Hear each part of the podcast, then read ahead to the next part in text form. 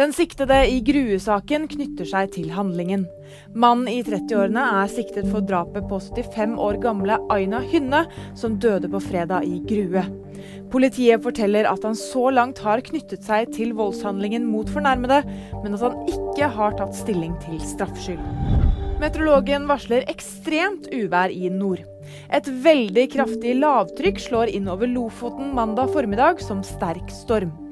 Deretter brer det seg oppover til Vesterålen, videre til Troms og Nordkapp på kvelden. Noen steder kan det bli orkan med opptil 15 meter høye bølger, forteller meteorologen.